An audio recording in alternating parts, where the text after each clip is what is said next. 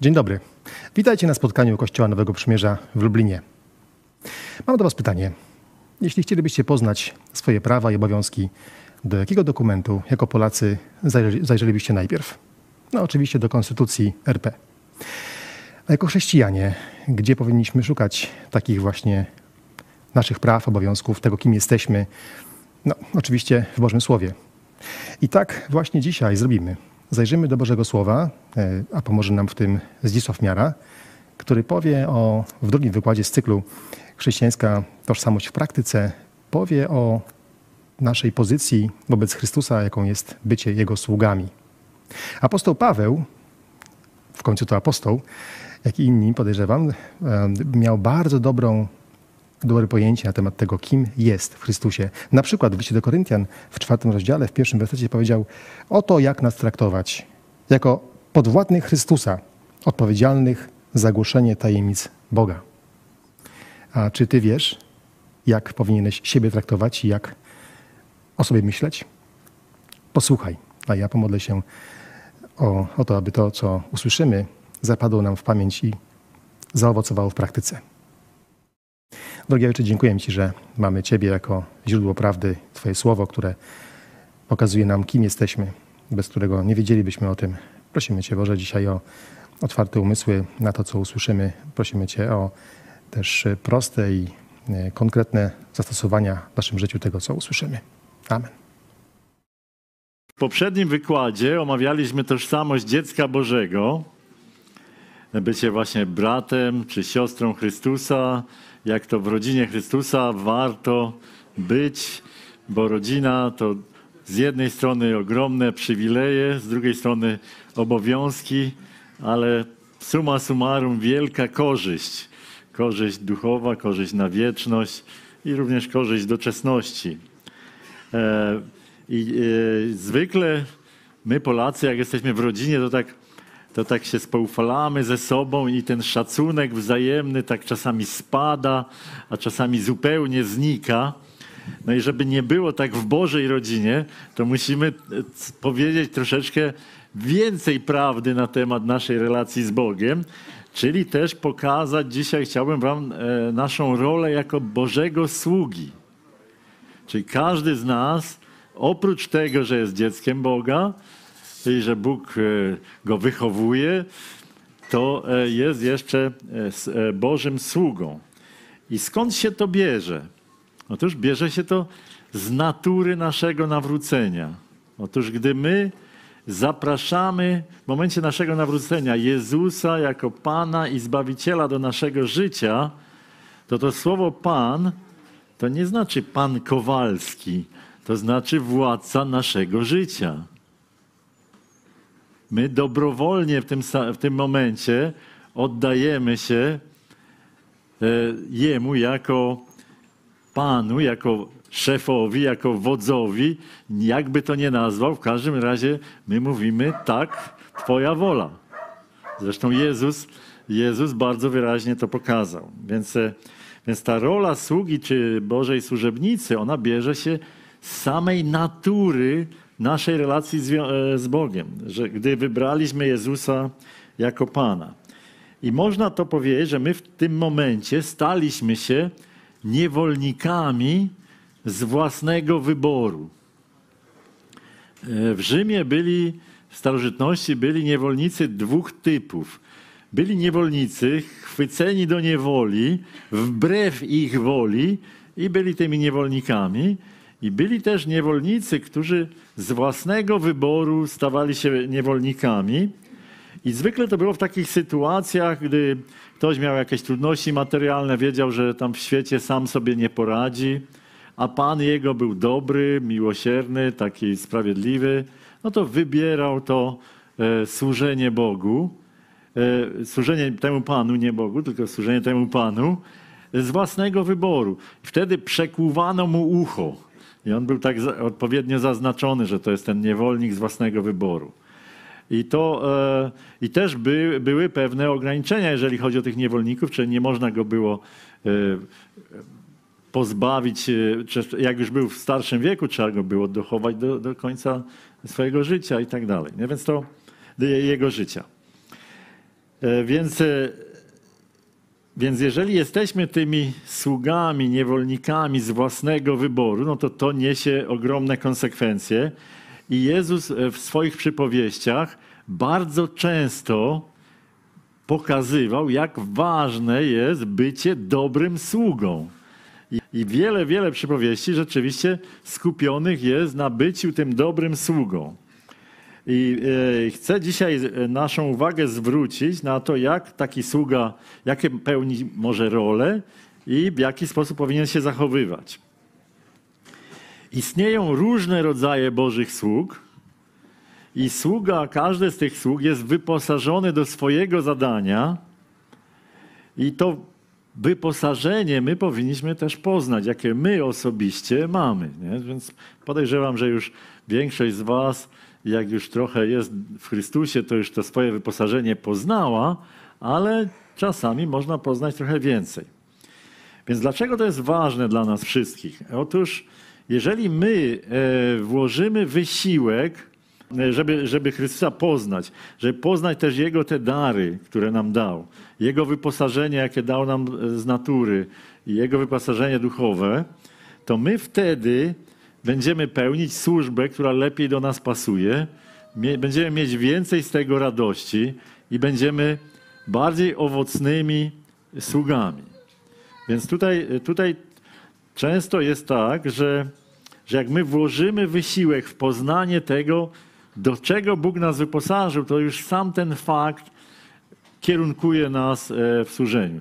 To nie znaczy, że robimy tylko to, w czym jesteśmy obdarowani, bo do pewnych służb nie potrzeba żadnego obdarowania oprócz rąk, czasu czy, czy, czy obecności. E, Więc to jest e, to, o czym chcemy dzisiaj mówić. Chcemy mówić o tym, że jesteśmy wyposażeni przez Boga do, do służenia i to służenie też, to, to wyposażenie nas kier, ukierunkowuje w naszym służeniu.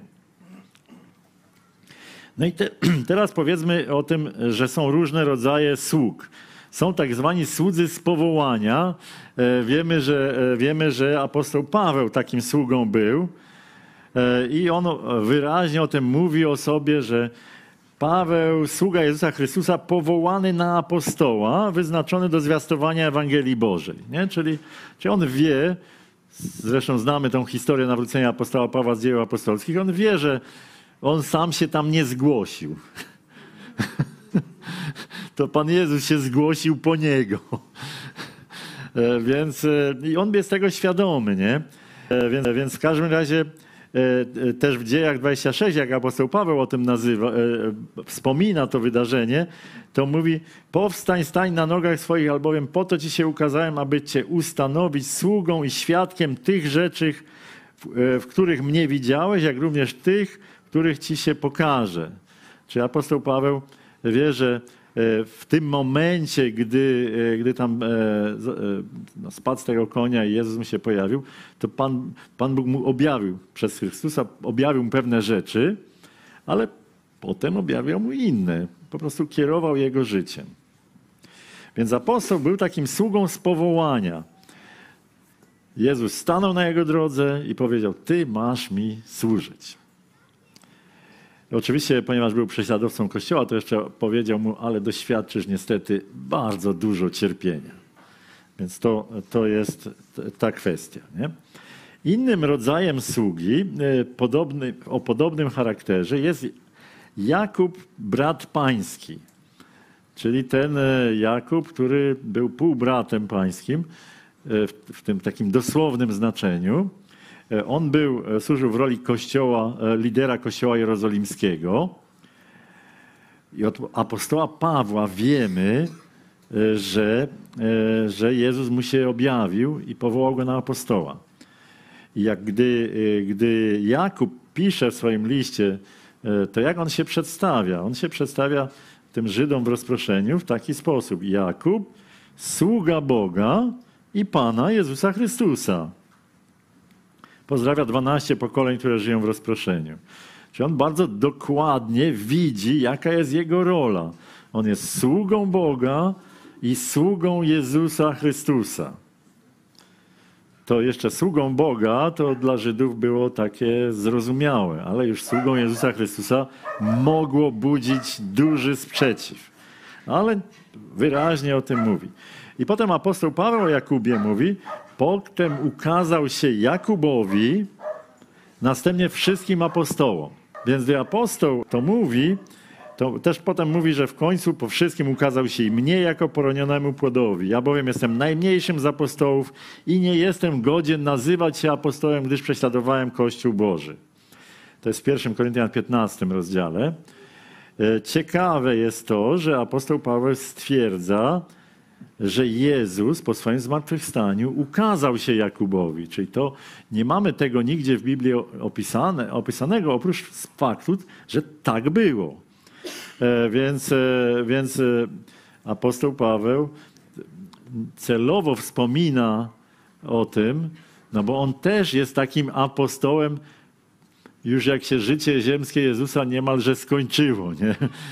To znaczy apostoł Paweł to już zupełnie Jezus wstąpił do nieba, zanim on się, Jezus go powołał. Natomiast Jakub gdzieś tam między zmartwychwstaniem a niebo wstąpieniem nawrócił się właśnie dzięki temu, bo on był, jak wiemy z Biblii, rodzina Pana Jezusa, ta najbliższa, nie była wierząca e, i w związku z tym było to potrzebne stanięcie twarzą w twarz objawienie się i Jakub się nawrócił.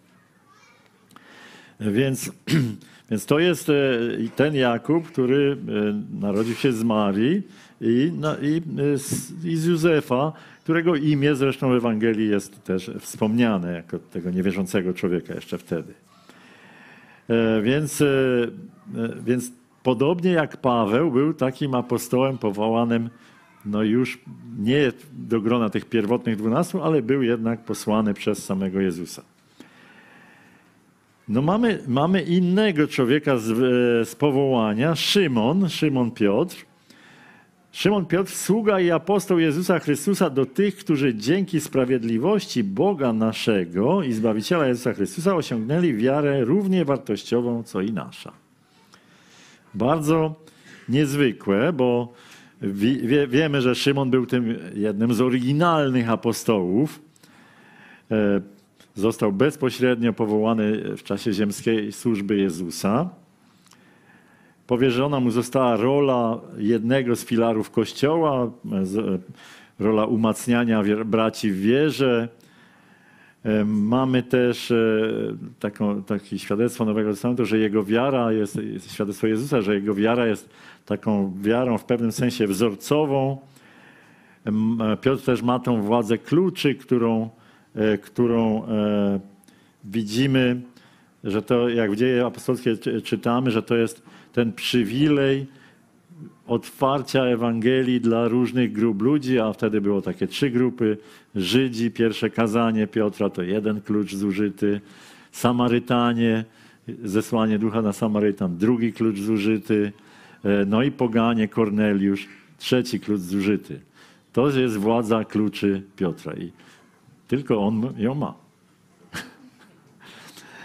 E, Piotr, zwróćmy uwagę, że w tym tekście jest bardzo pokornym sługą. Co on mówi? On mówi, ten, który ma utwierdzać wiarę braci, on mówi, wasza wiara jest godna równego szacunku, jak i moja, jak i nasza, na, nas apostołów. Wiecie, to nie jest, że on jest jakiś tam, nie, traktuje się jako ktoś wyższy, kto mówi tu z wielkim autorytetem.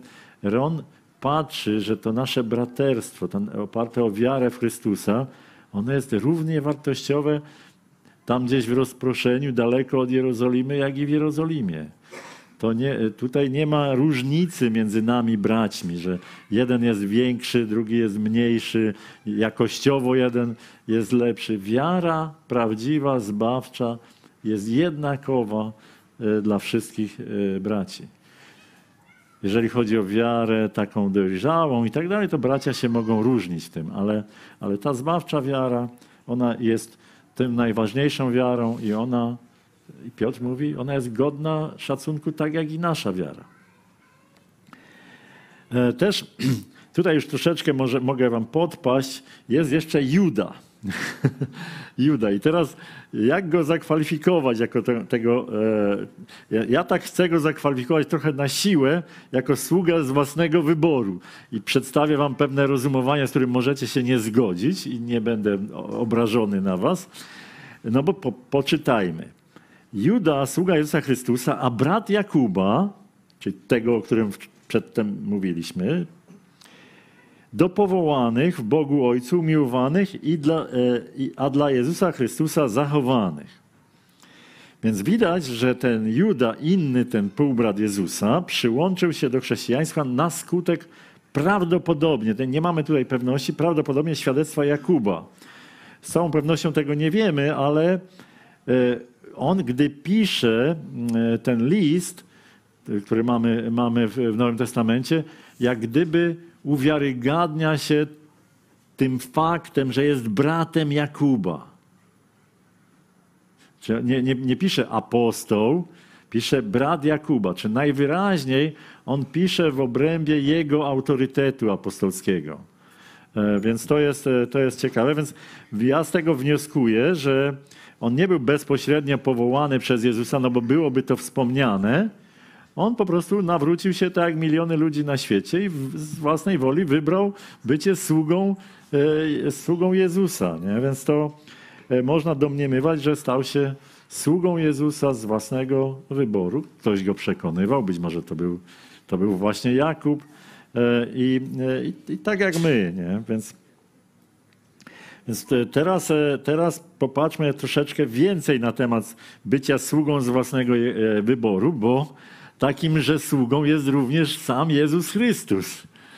E, e, jest to e, mocno ugruntowane w piśmie, bo mamy tam takie słowa na ekranie. Gdyż powiadam, że Chrystus stał się sługą obrzezanych ze względu na prawdę Bożą, aby potwierdzić obietnice dane Ojcom. Takiego bądźcie względem siebie usposobienia, to jest Filipian, jakie było w Chrystusie Jezusie, który chociaż był w postaci Bożej, nie upierał się zachłannie przy tym, aby być równym Bogu, lecz wyparł się samego siebie, przyjął postać sługi i stał się podobny ludziom.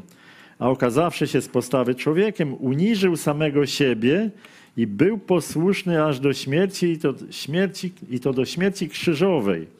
Dlatego też Bóg wielce go wywyższył i obdarzył go imieniem, które jest ponad wszelkie imię więc zwróćmy uwagę, że tutaj mamy takie zdanie, że Chrystus stał się sługą obrzezanych. Ciekawe, nie? że sam Syn Boży, równy Bogu Ojcu Syn, staje się sługą obrzezanych, tych, do których przyszedł, e, Żydów. I e, po co? Żeby objawić Bożą prawdę. To jest jego, jego rola. I drugą rolą jest to, żeby potwierdzić obietnice, które były dane, dane ojcom. Więc przyszedł z własnego wyboru, była to jego dobrowolna decyzja. E, przychodząc, ogołocił się, wyzbył się e, z tej możliwości pokazywania siebie w, pełnej krasie jako Boga, jako kogoś wszechmogącego. On to pokazywał, ale tak dyskretnie, tak, e, tak pokornie, nie, nie w całej mocy. Gdy czytamy znowu Apokalipsę Jan staje przed Chrystusem, gdy On już jest w pełni Jego mocy, a to widzimy, że pada na twarz jak martwy. Czyli to jest manifestacja pełnej mocy Chrystusa. Na ziemi Jezus był ogołocony był, miał to, jak gdyby zostawił sobie to niezbędne minimum, żeby uwiarygodnić się, że jest Bożym Synem. I zwróćmy na to uwagę, że ten Pan Panów i Król Królów, jak go przedstawia Apokalipsa, on przyjął rolę sługi. Przyjął najpierw człowieczeństwo, co już jest mocnym ograniczeniem, a w ramach tego człowieczeństwa przyjął rolę sługi i do takiego sługi posłusznego aż do śmierci. I wiemy z, z listu do Filipian, którego, czy, który czytaliśmy, że ta, tego rodzaju służba nie pozostaje bez nagrody. E, Bóg, jak jest powiedziane, nad wszystko go wywyższył i darował mu imię ponad wszelkie imię. To jest ta nagroda, to imię ponad wszelkie imię.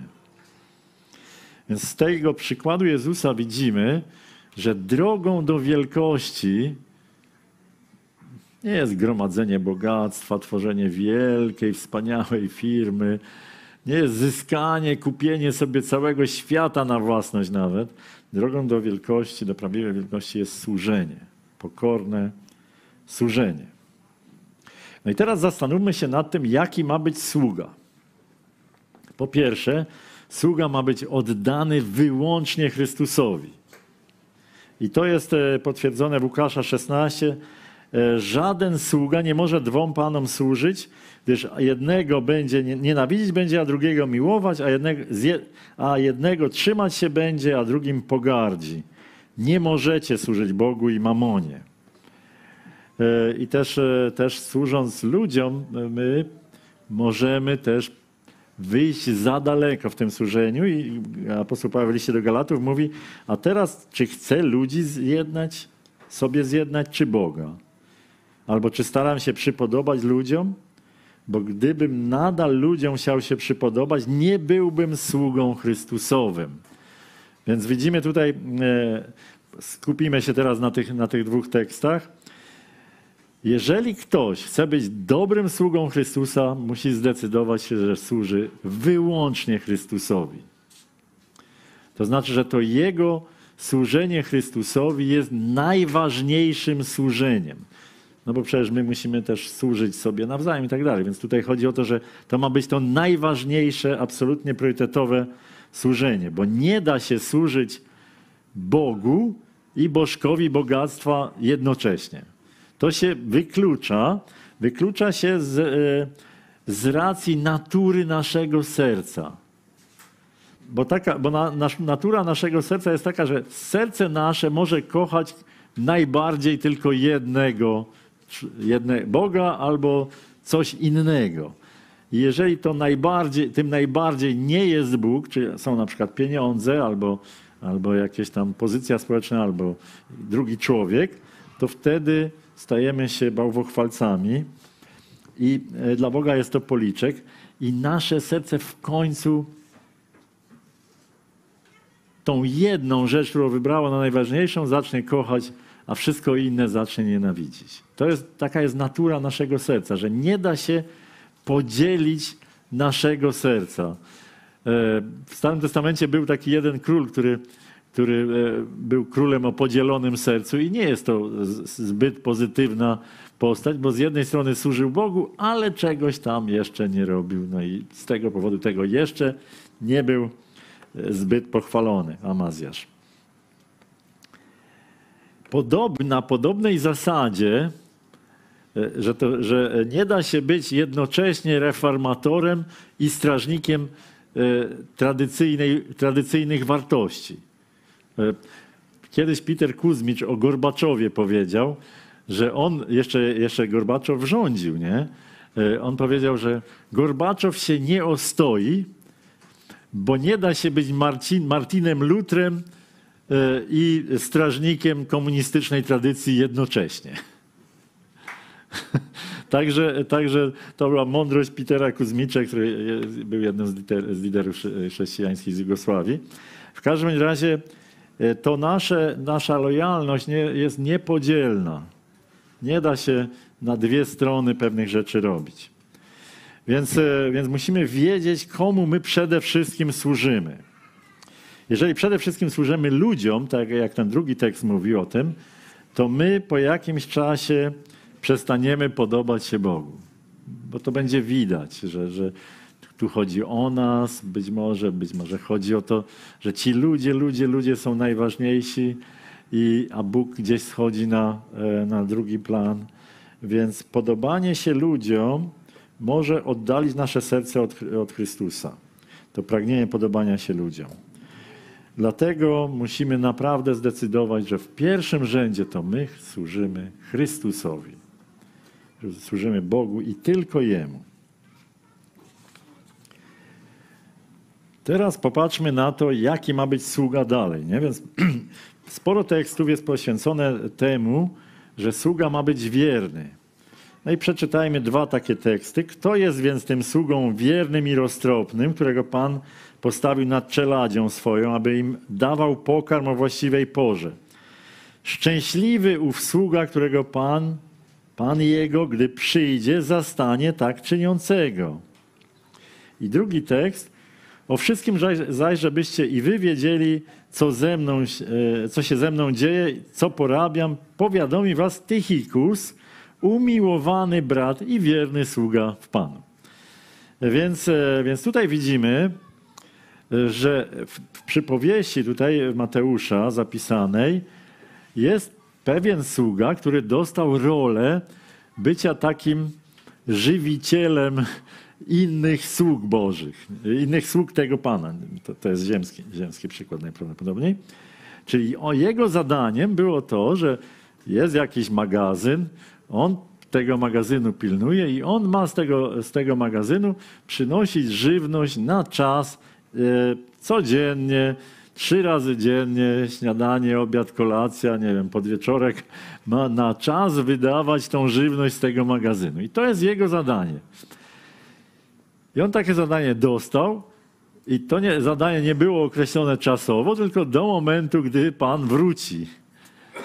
I ważnym punktem tego jest to, że szczęśliwy ten sługa, gdy Pan zastanie go czyniącego to, co mu zostało powierzone, czyli tą, tej roli tego, e, tego wydawacza z magazynu, tego magazyniera, który wydaje tą żywność. E, proste niby zajęcie, ale wierność. Wierność jest bardzo, bardzo potrzebna, czyli niezależnie w czym my służymy, jeżeli jesteśmy wierni, to ta wierność jest powodem pochwały ze strony Boga. I Pan będzie z niego bardzo zadowolony, gdy przyjdzie. Po, po, nie wiemy, kiedy ten nasz Pan przyjdzie, ale to, to Pan Jezus, ale, ale gdy ten ziemski Pan przyjdzie, no to on będzie zadowolony wtedy, wtedy. I to ilustruje, że i my mamy być e, wierni. Też tutaj apostoł daje takie świadectwo wierności Tychika, czy Tychikusa, że on po prostu jest wierny w tym, co ma robić. Nie wiemy dokładnie, co Tychikus realizował, oprócz tego, że był umiłowanym, wiernym bratem i wiernym sługą Jezusa. Popatrzmy dalej, jaki ma być jeszcze sługa. E, oprócz tego, że ma być wierny, ma być oddany osobistemu uświęceniu. W Rzymian mamy taki tekst, lecz Bogu niech będą dzięki, że wy, którzy byliście sługami grzechu, przyjęliście ze szczerego serca zarys tej nauki, w której, zostali, której zostaliście przekazani, a uwolnieni od grzechu staliście się sługami sprawiedliwości. Czyli sługa ma być nie tylko wierny w wykonaniu zadania, które zrobił, ale również ma, by, ma być, e, które, które zostało mu powierzone, ale ma być wierny w, też w eliminowaniu grzechu ze swojego życia. E, czyli to oddanie, stanie się tym sługą sprawiedliwości. E, w kontekście właśnie to chodziło o Rzymian 6, to chodziło o uświęcenie. Więc w tym sensie uświęcenie to eliminowanie grzechu ze swojego życia. Teraz, jeżeli popatrzymy, to nie tylko mamy takie pozytywne pochwały, czy wierności, czy, czy oddania sługi, e, mamy też pewne ostrzeżenia dla niewiernych sług w Piśmie Świętym i nie można tego e, nie zauważyć. Jeśli by zaś ów sługa rzekł w sercu swoim, Pan mój zwleka z przyjściem i zacząłby bić sługi i służebnice, jeść, pić, upijać się i tam dalej nie będziemy czytać. Ten zaś sługa, który znał wolę Pana swego, a nic nie przygotował, nie postąpił według jego woli, odbierze wiele razów, nie? czyli chłostę. No więc niewierny sługa zostanie ukarany. Jeżeli to jest człowiek wierzący, no to nie będzie to tym karą, nie będzie wieczne potępienie, ale jakaś chłosta. No powiedzmy, nie wiemy jaka chłosta. W każdym razie e, nie będzie to przyjemne doświadczenie. Być może to będzie najedzenie się wstydu, być może, być może właśnie jakaś, jakieś jakieś cierpienie. Pismo Święte milczy na ten temat, za dużo nie wiemy. E, jaki ma być sługa? E, kolejna rzecz, pokorny. Tak i wy, gdy uczynicie wszystko, co wam polecono, mówcie sługami nieużytecznymi jesteśmy, bo co winniśmy byli uczynić, uczyniliśmy. E, też ma być uprzejmy i cierpliwy. A sługa pański nie powinien wdawać się w spory, lecz powinien być uprzejmy dla wszystkich, zdolny do nauczania, cierpliwie znoszący przeciwności. 2 Tymoteusza 2,24. Nie? Więc e, bardzo ciekawe i zagadkowe jest to, e, jest to pierwsze, pierwszy cytat. Gdy uczynicie wszystko, co wam polecono, mówcie, sługami nieużytecznymi jesteście. Jesteśmy. Wiecie, tak w naszej kulturze to my mamy takie pomyślenie, nie? że jak ja zrobiłem wszystko, to ja na premię zasługuję, może nawet na pomnik. Nie? A tu jest, jest taka pokora, nie? że zrobiłem, co mi, co mi e, powierzono, no to okej, okay, zrobiłem i koniec. Nie będzie. tak, nie będzie razów, ale, ale e, e, to, to pewnie jakaś nagroda będzie, bo to wiemy, że Bóg jest sprawiedliwy w wynagradzaniu, ale nasza pokora powinna być na tym polegać, że nie chwalimy się tym, że zrobiliśmy. Nie, nie wywyższamy się nad innymi, którym gorzej poszło. Po prostu robimy i żyjemy z tym. Wypełniłem swoje obowiązki, jestem zadowolony, ale to nie jest powód, żeby się wywyższać nad innym człowiekiem. Pokora w tym wszystkim musi być. E, także. Dlaczego tego nie można zrozumieć jako taką fałszywą skromność wręcz, że zrobiło się wszystko i o, jaki ja nieużyteczny. Jaki... E, myślę, że, myślę, że tutaj e, e, można, e, przesadzając z tym, popaść w fałszywą skromność.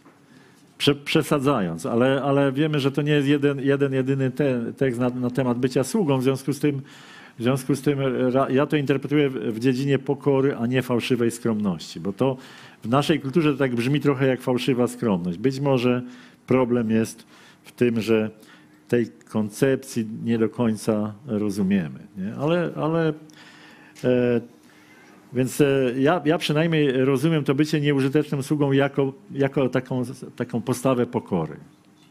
Bo innego wytłumaczenia nie mam na to.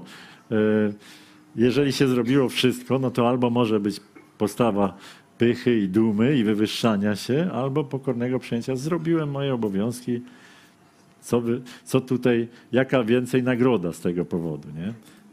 No. Więc to jest, tak, tak, tak to rozumiem, nie? E, jeżeli chodzi o, e, o tą drugą rzecz, to ten, ten sługa powinien być cierpliwy i uprzejmy, nie powinien wdawać się w spory, uprzejmy dla wszystkich, zdolny do nauczania, cierpliwie znoszący przeciwności, nie? Więc to jest do Tymoteusza skierowane, który, który no, po apostole Pawle był jednym z tych liderów e, w kościele w Efezie i w innych miejscach prawdopodobnie. W każdym razie e, apostoł wyraźnie mu mówi, e, że niepotrzebnie w spory się nie powinien wdawać, bo tam w innym miejscu mu mówi, wiesz, zamknij usta tym, którzy fałszywie nauczają. Więc wtedy spór naturalny jest. Nie? Więc, natomiast w normalnych sytuacjach, warunkach to uprzejmość, cierpliwość, ale też zdolność do nauczania nie? I, i, i znoszenie przeciwności. E, więc często, gdy rozmawiamy z różnymi ludźmi, no to będziemy musieli wykazywać się cierpliwością. No sami też, zanim Bóg nas pozyskał dla siebie, to upływał czas, mieliśmy wątpliwości, różne tam dylematy, kogoś tam atakowaliśmy, kogoś przed kimś się wyżalaliśmy i tak dalej, ale w końcu Bóg nas y, zdobył dla siebie. Y, I to wymaga cierpliwości, więc, więc sługa Boży powinien być taki cierpliwy w znoszeniu i przeciwności, a te cały czas będą najrozmaitsze, i też e, w znoszeniu, e, też w cierpliwym nauczaniu. Kolejna rzecz, taki sługa e, ma być, miło, ma być miłosierny w stosunku do innych sług Pana. I tutaj mamy, mamy z Mateusza cytat. Wtedy sługa padł przed nim, złożył mu pokłon i rzekł: Panie, okaż mi cierpliwość, oddam ci wszystko. Pan ulitował się nad owym sługą, uwolnił go i dług mu darował. A gdy ów sługa wyszedł, spotkał jednego ze swych współ, współsług, który był mu winien sto denarów i pochwyciwszy, dusił go, mówiąc, oddaj coś winien. Wtedy współsługa jego patrzy na, kola, na kolana, prosił go okaż, mówiąc, okaż mi cierpliwość, a oddam ci wszystko. Czyli ty nie powinieneś był zlitować się nad współsługą twoim, jak ja zlitowałem się nad tobą? Więc tutaj mamy przypadek e, tego, dwóch sług. Jest jakiś ziemski pan i ten pierwszy sługa jest niesamowicie zadłużony. Jest zadłużony na niebotyczną kwotę. To jest 10 tysięcy talentów. Talent to jest 31, a między 31 a 32 kilo srebra taki ciężarek z rączką. Te 10 tysięcy talentów no to jest 320 ton srebra. Cały pociąg. To jest, e, to jest niebotyczna suma. I teraz ile to jest 100 denarów? Ktoś, ktoś ma jakieś pojęcie, ile to może być 100 denarów? 100 denarów e, zwykle na terenie Jerozolimy e, takim e, wynagrodzeniem za dzień pracy był denar. I denar miał w tamtym czasie, bo on tracił na wartości i coraz mniej srebra było w denarze, on miał około 4 gramów. Czyli 100 denarów, 400 gramów srebra. No, 100 denarów to jest tak, tak jak można powiedzieć jedna trzecia E, zapłaty e, z, całego rocznie, jedna trzecia rocznej pensji. No to, to, to nie było nic, ale w obliczu tego, co mu zostało podarowane, z punktu widzenia jego ziemskiego pana, który mu to darował, no to było nic. On powinien podobnie był podarować. I tutaj mamy do czynienia z takim rzymskim zwyczajem niewdzięczność. On okazał absolutnie niewdzięczność wobec swojego e, pana, domagając się od tego swojego sługi. No i w przypadku niewdzięczności e, cofało się ten wyrok. I ten wyrok został cofnięty. I on został ukarany. E, więc, więc Jezus przytoczył tą, ziemsk, tą historię z ziemi wziętą, po to, żeby pokazać, że Bóg Ojciec, skoro darował nam mnóstwo naszych grzechów, my powinniśmy z tego powodu być wdzięczni i powinniśmy darować, okazywać miłosierdzie naszym, naszym współbraciom. I to, jest, e, to, to jest coś, co jest ważną rzeczą. Nie? Czyli, że mamy być miłosierni i i tacy łaskawi w stosunku do innych e, sług naszego Pana. No i tutaj, tutaj z powodu tej niewdzięczności, jak gdyby Pan się e, rozgniewał, cofnął swoje ułaskawienie.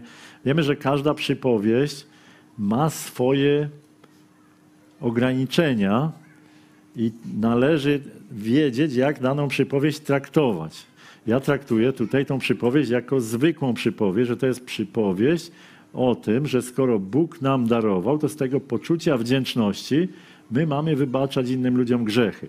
I że to jest tylko i wyłącznie o tym. Ona już o tym, co się stanie, gdy ktoś nie wybaczy, ona nie mówi. Rozumiemy, bo gdybyśmy potraktowali tą przypowieść alegorycznie, to byśmy powiedzieli, a można stracić zbawienie, można różne rzeczy stracić i Pismo Święte byłoby wtedy ze sobą sprzeczne. E, dlatego, dlatego należy potraktować tą przypowieść jako zwykłą, bo gdy przypowieść jest alegoryczna, mamy zwykle takie wskazówki, które pokazują nam, jak należy ją zinterpretować. I to, e, i to w, przypadku, przypadku tych kilku przypowieści, które są alegoryczne, te wskazówki są. Albo Jezus bezpośrednio wyjaśnił, albo dał wskazówkę e, że, która, że, że tak podobnie będzie na końcu świata i tam z tymi żeńcami i wtedy wiadomo, że, że żeńcami są aniołowie. Jezus to objaśnił. Nie? A tam, gdzie nie ma objaśnienia, trzeba traktować jako zwykłą przypowieść. Ona ma jeden punkt. Okej, dobra. E, Więc e, słudzy w Bożym Królestwie mają różne funkcje, posługują na różne sposoby. I teraz przyjrzymy się kilkom zaledwie, kilkom e, takim rodzajom tego posługiwania już w, praktyce. Bo mamy różnego rodzaju sługi, mamy różnego rodzaju służby. I pierwszym taką posługą jest ewangelizacja. I apostoł Paweł Rzymian pisze tak. Żebym był dla pogan sługą Jezusa Chrystusa, sprawującym świętą służbę zwiastowania Ewangelii Bożej, aby poganie stali się ofiarą przyjemną, poświęconą przez Ducha Świętego. E, bardzo był ciekawy dla mnie wasz wczorajszy wieczór i to dzielenie się, że tam udało się komuś przekazać ulotkę albo zahaczyć, a już naj, najlepsze było to, sam prosił się o Ewangelię, więc dostał. E, Więc to, to jest, no, bardzo jestem e, e, wdzięczny za wasze postawy, nie wstydzenia się Chrystusa, wychodzenia z Ewangelią. Także to jest, to jest wspaniałe. Nie? I apostoł był też takim sługą Jezusa Chrystusa.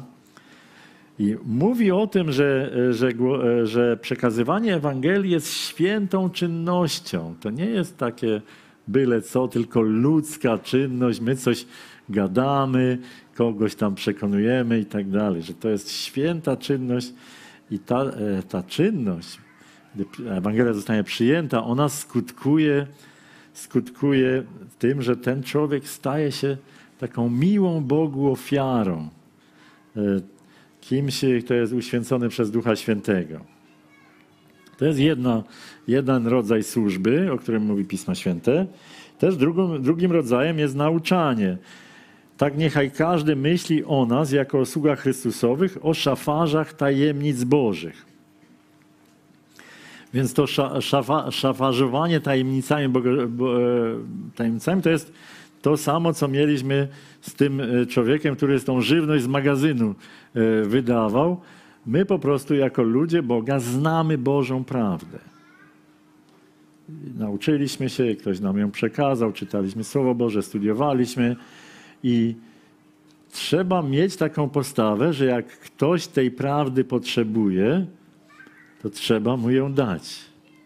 Czasami to będzie no, trudne pytanie, czasami to będzie trzeba coś objaśnić temu człowiekowi, czasami no, to będzie, będzie usłyszenie pewnych zarzutów i tak dalej i cierpliwe ich e, odpieranie i tak dalej. Więc to, to, to szafarzowanie tymi tajemnicami bożymi to wydaje się być związane z nauczaniem takiej Bożej, nieoczywistej prawdy, co nie jest takie na pierwszy rzut oka łatwe i zrozumiałe.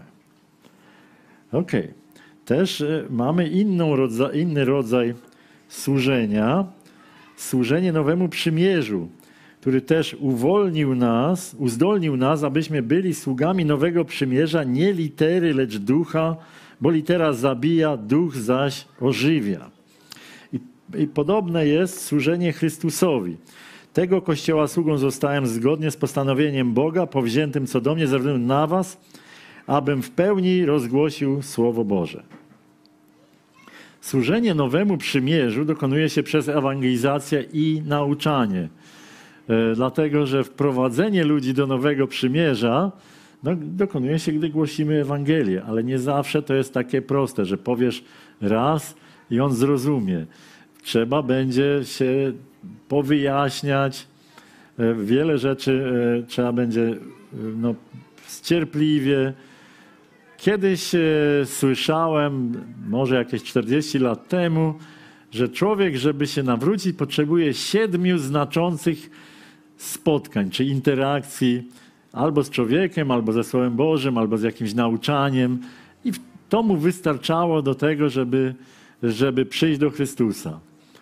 Dzisiaj mówi się o 70. E, I to e, dlaczego? Dlatego, że ludzie coraz bardziej oddalają się od, nasza kultura coraz bardziej oddala się od biblijnych pojęć, pewnych koncepcji, które stają się absolutnie niezrozumiałe.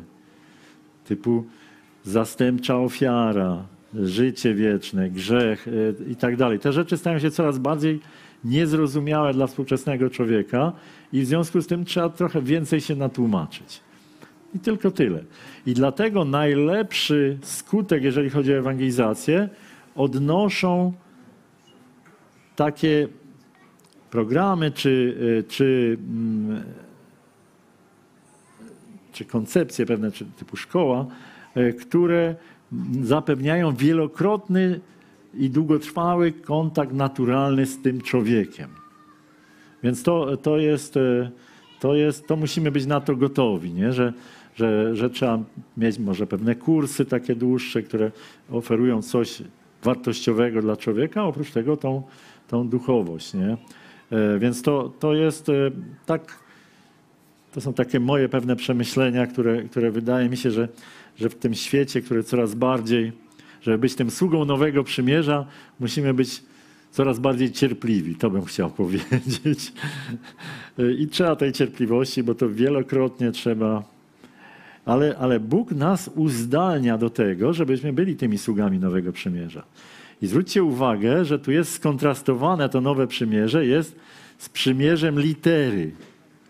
Wiecie, bardzo łatwo jest głosić takie przymierze litery. Jak będziesz zachowywał to, to, to, to i tamto, no w przypadku Żydów 613, w przypadku dzisiejszych chrześcijan 10. Rozumiecie? To wszystko będzie dobrze i Bóg jak tylko tak z grubsza e, ci to wyjdzie, to Bóg cię przyjmie do swojego królestwa. No to jest, to jest fałsz, który, e, to jest ta litera, która zabija, mówi apostoł Paweł. Dlatego, że, że jeżeli tylko byśmy byli głosicielami prawa, że jak zrobisz to, to, to i to, to, to, to i tamto, to będziesz zbawiony, to dokładnie rzecz biorąc, ile by nie było tych zasad, w raju była tylko jedna, nie? I ona wystarczyła do potępienia. Człowiek jak widzi prawo, apostoł Paweł mówi, jego grzeszna natura się buntuje i złamie. Dlatego, a jak złamie, to straci tą szansę zbawienia, jaką było prawo i już ratunku nie ma. Dlatego jest nowe przymierze. Nowe przymierze jest przymierzem bezwarunkowym i człowiek przez wiarę dostaje to, na co by nie był w stanie zapracować. Więc służenie nowemu przymierzu jest wspaniałą rzeczą, bo służenie staremu przymierzu no jest służeniem literze, która zabija. Bo człowiek z grzeszną naturą nie jest w stanie spełnić nawet minimalnych wymogów prawa. Służba Kościołowi, e, więc e, tam apostoł Paweł mówił o rozgłoszeniu Słowa Bożego. To również będzie nauczanie. Więc, więc nowe przymierze nie jest przymierzem litery. Ono jest przymierzem ducha, który daje życie. E, I to, to jest ważne szczególnie w, w kontekście, gdy my służymy ludziom, którzy E, którzy wyznają uczynkowość. E, uznają, że jak będę dobrze robił to, to, to, to i tamto, to Bóg mnie przyjmie do siebie. E, no niestety nie przyjmie na tej zasadzie. Bogaty młodzieniec się o tym przekonał. Służba Kościołowi może, może być najrozmaitsza. Może polegać na byciu misjonarzem, jak apostoł Paweł, pastorem, kaznodzieją, liderem małej grupy, duszpasterzem, może, może polegać na układaniu krzeseł, jak tu codziennie ktoś układa, przy służeniu przy stołach, gotowaniu, przy transmisji, przy, najróżna, przy social mediach, przy, no najróżniejsze rzeczy można służyć Kościołowi. Można też słuchać jedni drugich, wyznawać swoje grzechy, poradzić, jak tu sobie z tym grzechem radzić. Wiele, wiele sposobów posługiwania. No i teraz, e, teraz zajmiemy się tylko kilkoma z nich. Nie? E, jeżeli chodzi o Pismo Święte, to mamy mamy kilka takich e, rodzajów posługi wspomnianych. Posługa modlitewna może być, nie? Pozdrawia was Epafras, który pochodzi spośród was, sługa Chrystusa Jezusa, który nieustannie toczy za was bój w modlitwach, abyście byli doskonali i trwali we wszystkim, co jest wolą Bożą. Czyli Epafras w stosunku do ludzi z Kolosów, no to było tam kościół, może 100 osób, może 200, nie wiemy ile w tym czasie. Był jeden człowiek, który modlił się o innych ludzi wierzących. Toczył za nich bój, czyli modlił się wytrwale, nieustannie, intensywnie. Toczył bój, jak tu jest powiedziane, nie? żeby oni byli doskonali we wszystkim i żeby wypełniali, co jest wolą Bożą. Ciekawe, nie? Że można mieć posługę na rzecz innych chrześcijan, posługę modlitwy wstawienniczej o nich. I to jest też wartościowa posługa. Apostoł chwali Epafrasa, wspomina o nim w swoim liście. E, kolejna służba to jest służba nauczania. Gdy tego będziesz braci nauczał, będziesz dobrym sługą Chrystusa Jezusa, wykarmionym na słowach wiary i dobrej nauki, za którą poszedłeś. To jest ciekawe. Apostoł Paweł był nauczycielem, ale Tymoteusz też był nauczycielem. Nauczonym przez apostoła Pawła, jak, co, czego nauczać.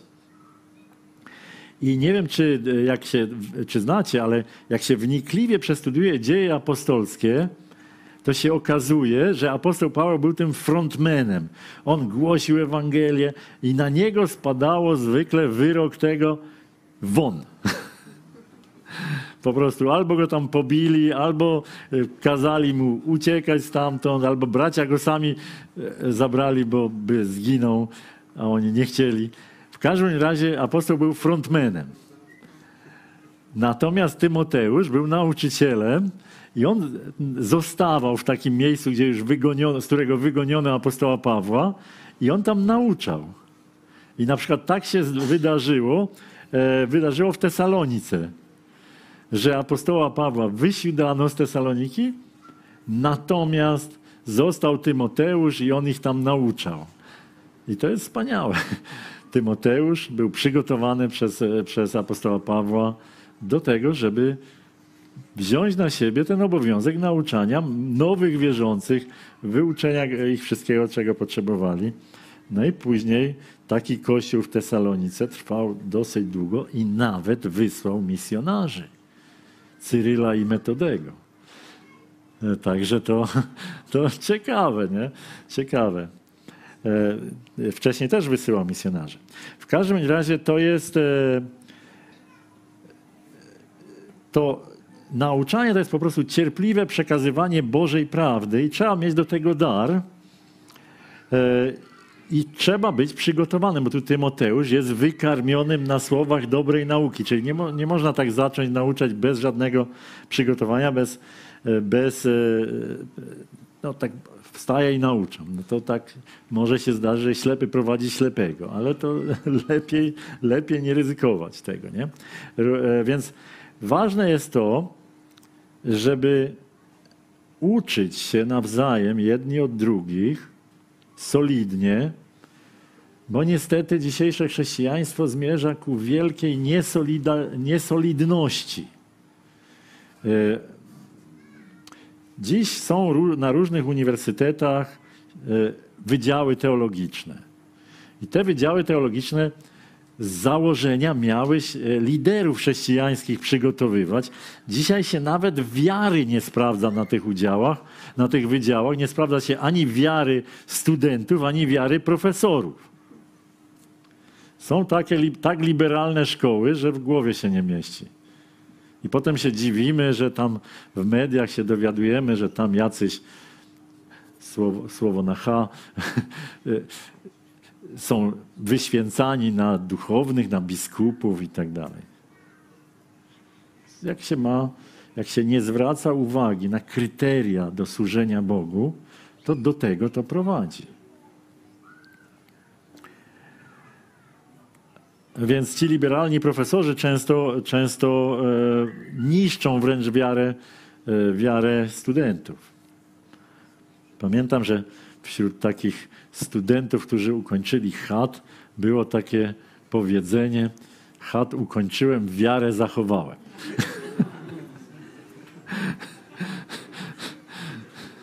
to, e, to mniej więcej na tym to polega. E, teraz, e, teraz przejdźmy troszeczkę do, te, do tego naszego głównego tematu. Służba oparta o dary. Różne są dary łaski, lecz ten sam duch. Różne są też rodzaje posługiwania, ale jeden Pan. Różne są wreszcie działania, lecz ten sam Bóg, sprawca wszystkiego we wszystkich. Wszystkim zaś objawia się duch dla wspólnego dobra. Czyli tutaj apostoł stwierdza bardzo wyraźnie w pierwszym Koryntian, że różne są dary łaski, te charyzmaty, lecz ten sam duch. Różne są też te energomata, czyli te, te rodzaje posługiwania. Czyli to właśnie ma na myśli nie takie tam jakieś spektakularne, czyli nauczanie, czy, czy ewangelizacja, czy coś, tylko normalne funkcje typu gotowanie jedzenia na obozie. Nie? To jest funkcja po prostu, która jest rodzajem posługiwania. E, natomiast ważne jest, e, różne są wreszcie e, te działania, nie? czyli różnego rodzaju czynności. Lecz ten sam Bóg sprawca wszystkiego we wszystkich. I to Duch Święty daje nam pewne, pewne wyposażenie do tego, żebyśmy służyli Bogu. I i ważne, żeby ten dar swój rozpoznać i żeby tym darem posługiwać. Kiedyś Mary Lou Lyon w 1983 roku przyjmowała mnie na młodego pracownika Campus Crusade for Christ, czasy komunistyczne. No i tam spotkała się ze mną, jeszcze z, z jednym człowiekiem. No i powiedziała taką, taką e, rzecz, że, Wiesz co, ty masz dosyć dobrze poukładane w głowie. Ja myślę, że ty powinieneś nauczać. Nie wiem, czy wiecie, ale pięć lat wcześniej nie poszedłem do seminarium z tego powodu, że nie wyobrażałem sobie, żeby móc nauczać. Chociaż całe moje otoczenie chciało mnie tam posłać. A ona mówi nauczać. ale ale dar jest dar. Po początkowych e, nie miałem żadnego teologicznego wykształcenia. Niczego nie miałem oprócz czytania Biblii i jeżdżenia na obozy. Ale po jakimś czasie zacząłem nauczać i mimo, że żadnego kursu przemawiania, homiletyki i tak niczego takiego nie przeszedłem, to, to Pan Bóg zaczął tego, to wykorzystywać. Do tego stopnia, że jak jeszcze spotykaliśmy się u redemptorystów, to taki profesor homiletyki przyprowadzał swoich studentów, żeby im pokazać, jak dobrze można nauczać. E, i oni e, czasami tam brali mnie na zaplecze i pytali, jak ty to robisz, że cię ludzie słuchają, że Bóg... Ja mówię, trzeba być autentycznym, trzeba mówić to, co się przeżyło, trzeba, nie można ściemniać, trzeba swoje, zada swoje zadanie odrabiać i tak dalej. Więc, ale wiecie, dar nauczania to nie jest to, że ktoś ma sprawną wymowę, że jest bardzo obeznany w piśmie czy, czy w jakichś innych naukach. Dar nauczania polega na tym, że Bóg bierze to, co ten mówca czy kaznodzieja mówi i wykonuje swoją pracę w czyimś sercu. To jest istota daru nauczania. I, e, I świadectwa, jakie otrzymałem, czasami najbardziej mnie wprowadzające w zakłopotanie, to jest, mówi, wiesz co, 10 lat temu słuchałem cię, jak mówiłeś tam, a tam w kościele. Czy ty masz jeszcze notatki z tego kazania? ja już nawet nie wiem, o czym mówiłem, a już o notatkach to w dobie komputerów, które się zepsuły, to ciężko mówić. Więc to, e, więc to taka, e, taka, taka rzecz. Bóg bierze jakieś słowo i wykonuje swoją pracę w słuchaczach. To jest dar nauczania. E, więc, e, więc jeżeli chodzi o, e, odkrywanie swoich darów najlepszym sposobem jest po prostu zacząć coś robić i patrzeć, jak ludziom, jak ludzie na to reagują, czy Bóg tego używa. Jeżeli tego nie używa za bardzo, jeżeli mi samemu to sprawia trudność bardzo, nie, nie, nie, nie napędza mnie, no to prawdopodobnie trzeba czegoś innego spróbować. A jeżeli to cię napędza, jeżeli to sprawia ci frajdę i widzisz, że Bóg tego używa, to prawdopodobnie trzeba tego robić więcej. Nie tak, żeby za- zaniedbać wszystko inne, ale, ale robić więcej. Nie? Więc, e, więc to jest, e, to jest taka, taka rada, jak odkryć te swoje dary. Zacząć coś robić i popatrzeć, czy, czy mam to wyposażenie do tego, czy Bóg tego używa. I będą różne rodzaje służby. Będą te spektakularne i te niezwykle potrzebne, bez których Kościół nie istnieje. Typu otwieranie drzwi do sali, sprzątanie i tak dalej. Do pewnych służb musimy mieć jakieś specjalne wyposażenie, ale do pewnych po prostu ręce. Ręce i zrobić. Nie czuję, żebym miał dar robienia zakupów, ani ja, ani moja żona, ale ilekroć robiliśmy konferencje, szkolenia i tak dalej, zawsze robiliśmy zakupy, zawsze rozstawiałem krzesła, zawsze sprzątaliśmy po, po, po wydarzeniu i, i tak dalej. Jakoś włos nikomu z nas z głowy nie spadł. Czyli z jednej strony dar, coś spektakularnego, coś od Boga, a z drugiej strony te, te ręce, które trzeba zaprzęgnąć do roboty.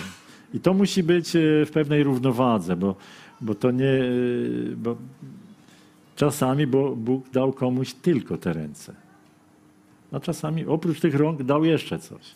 I on musi i tymi rękami, i tym czymś jeszcze posługiwać. I trzeba to odkryć. Okej, wielkość sługi. Nie tak ma być między wami. Ale ktokolwiek by chciał między wami być wielki, niech będzie sługą waszym. I ktokolwiek chciałby być między wami pierwszy, niech będzie niewolnikiem waszym czy sługą waszym. Wierny sługa, jak wykonuje te swoje zadania dane mu w oparciu o dane mu przez Boga możliwości, to on zapracowuje na wielkość. Wielkość również w oczach Bożych. Ale to przywództwo chrześcijańskie to jest autentyczne służenie innym. Przewodzenie bez żadnej hipokryzji. Służenie bez wyrachowania. Czynienie tego, co trzeba w danym momencie zrobić. Więc nawet jak to będzie miało być sprzątanie toalet, porządkowanie sali, robienie zakupów, jak trzeba to zrobić, to trzeba to zrobić. Czy kto człowiek jest nauczycielem, czy liderem małej grupy, trzeba, robię. I takie coś y, nie pozostanie bez nagrody. Taka nasza postawa dostępności dla Boga, dla Kościoła, dla małej grupy nie zostanie bez nagrody.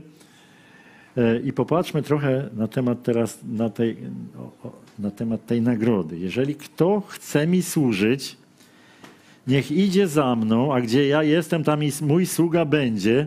Jeśli kto mnie służy, uczci go ojciec mój. Są niesamowite słowa. Okazuje się, że Bóg bardzo ceni tych, którzy mu służą wynagrodzi ich w czasie pobytu w niebie i osobiście ich uhonoruje, uczci jest tu powiedziane. Czyli sam Bóg uhonoruje ciebie, ciebie, mnie, was. Rozumiecie? Sam Bóg tak uczci. W jaki sposób wyróżni, wy, e, nawet jest takie jedno, jedno miejsce, gdzie jest powiedziane, że posadzi nas przy stole i będzie nam podawał do tego stołu. Bóg zrobi coś takiego. Nie mówiąc już tych słowach dobrze, sługo dobry i wierny i tak dalej, nad wieloma rzeczami cię postawię. E, Więc to jest e, to, jest to, e, to i Bóg jest nieskończenie kreatywny w tym wynagradzaniu i wystarczy poczytać Apokalipsę, żeby, żeby to, to zrozumieć. E, ale zrobimy to na ostatnim naszym wykładzie. Więc wróćmy teraz do tej relacji przyjaźni. Nie? Więc takie jest przykazanie moje, abyście się wzajemnie miłowali, jak ja was umiłowałem.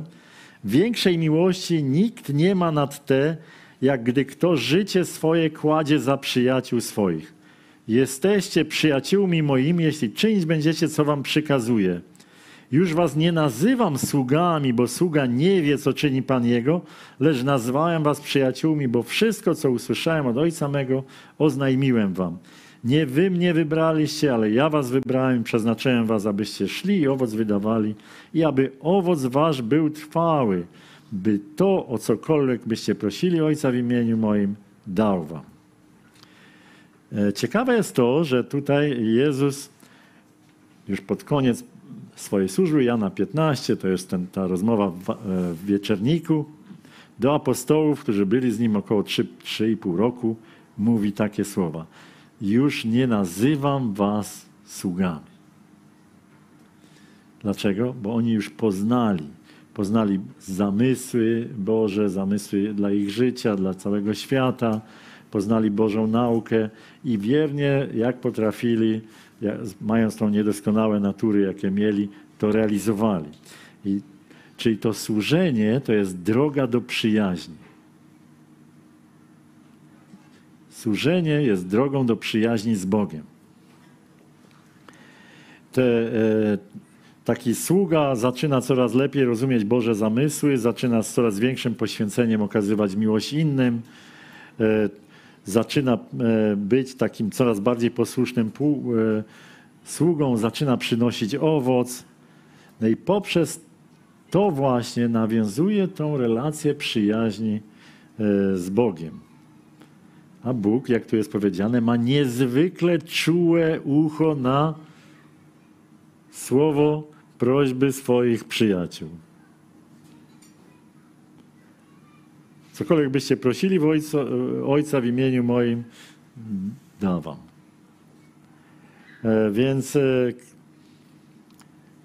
każdy z nas jest przez coś, przez jakąś rzeczą, bo przez Boga, jakimś darem przez Boga wyposażony. Jeżeli tymi swoimi darami będziemy służyć, to ta nasza służba będzie przede wszystkim bardziej owocna, będzie sprawiać nam więcej radości i będzie przynosić więcej owocu. Bo to wyposażenie, które mamy, ono po coś zostało dane. Ono nie zostało dane tak po to, żebyś miał i nie wiadomo, co masz z tym robić. Ono pozostało dane do roboty, do konkretnych zadań w Królestwie Bożym. Więc y, i nie zawsze będziemy mieli okazję służyć w oparciu o nasze dary. To czasami będą po prostu rzeczy do zrobienia, którym naszym darem są nasze ręce i nasz czas. Ja, I trzeba z tym się pogodzić, że tak czasami będzie, nie? ale warto się starać, żeby te dary też wykorzystywać.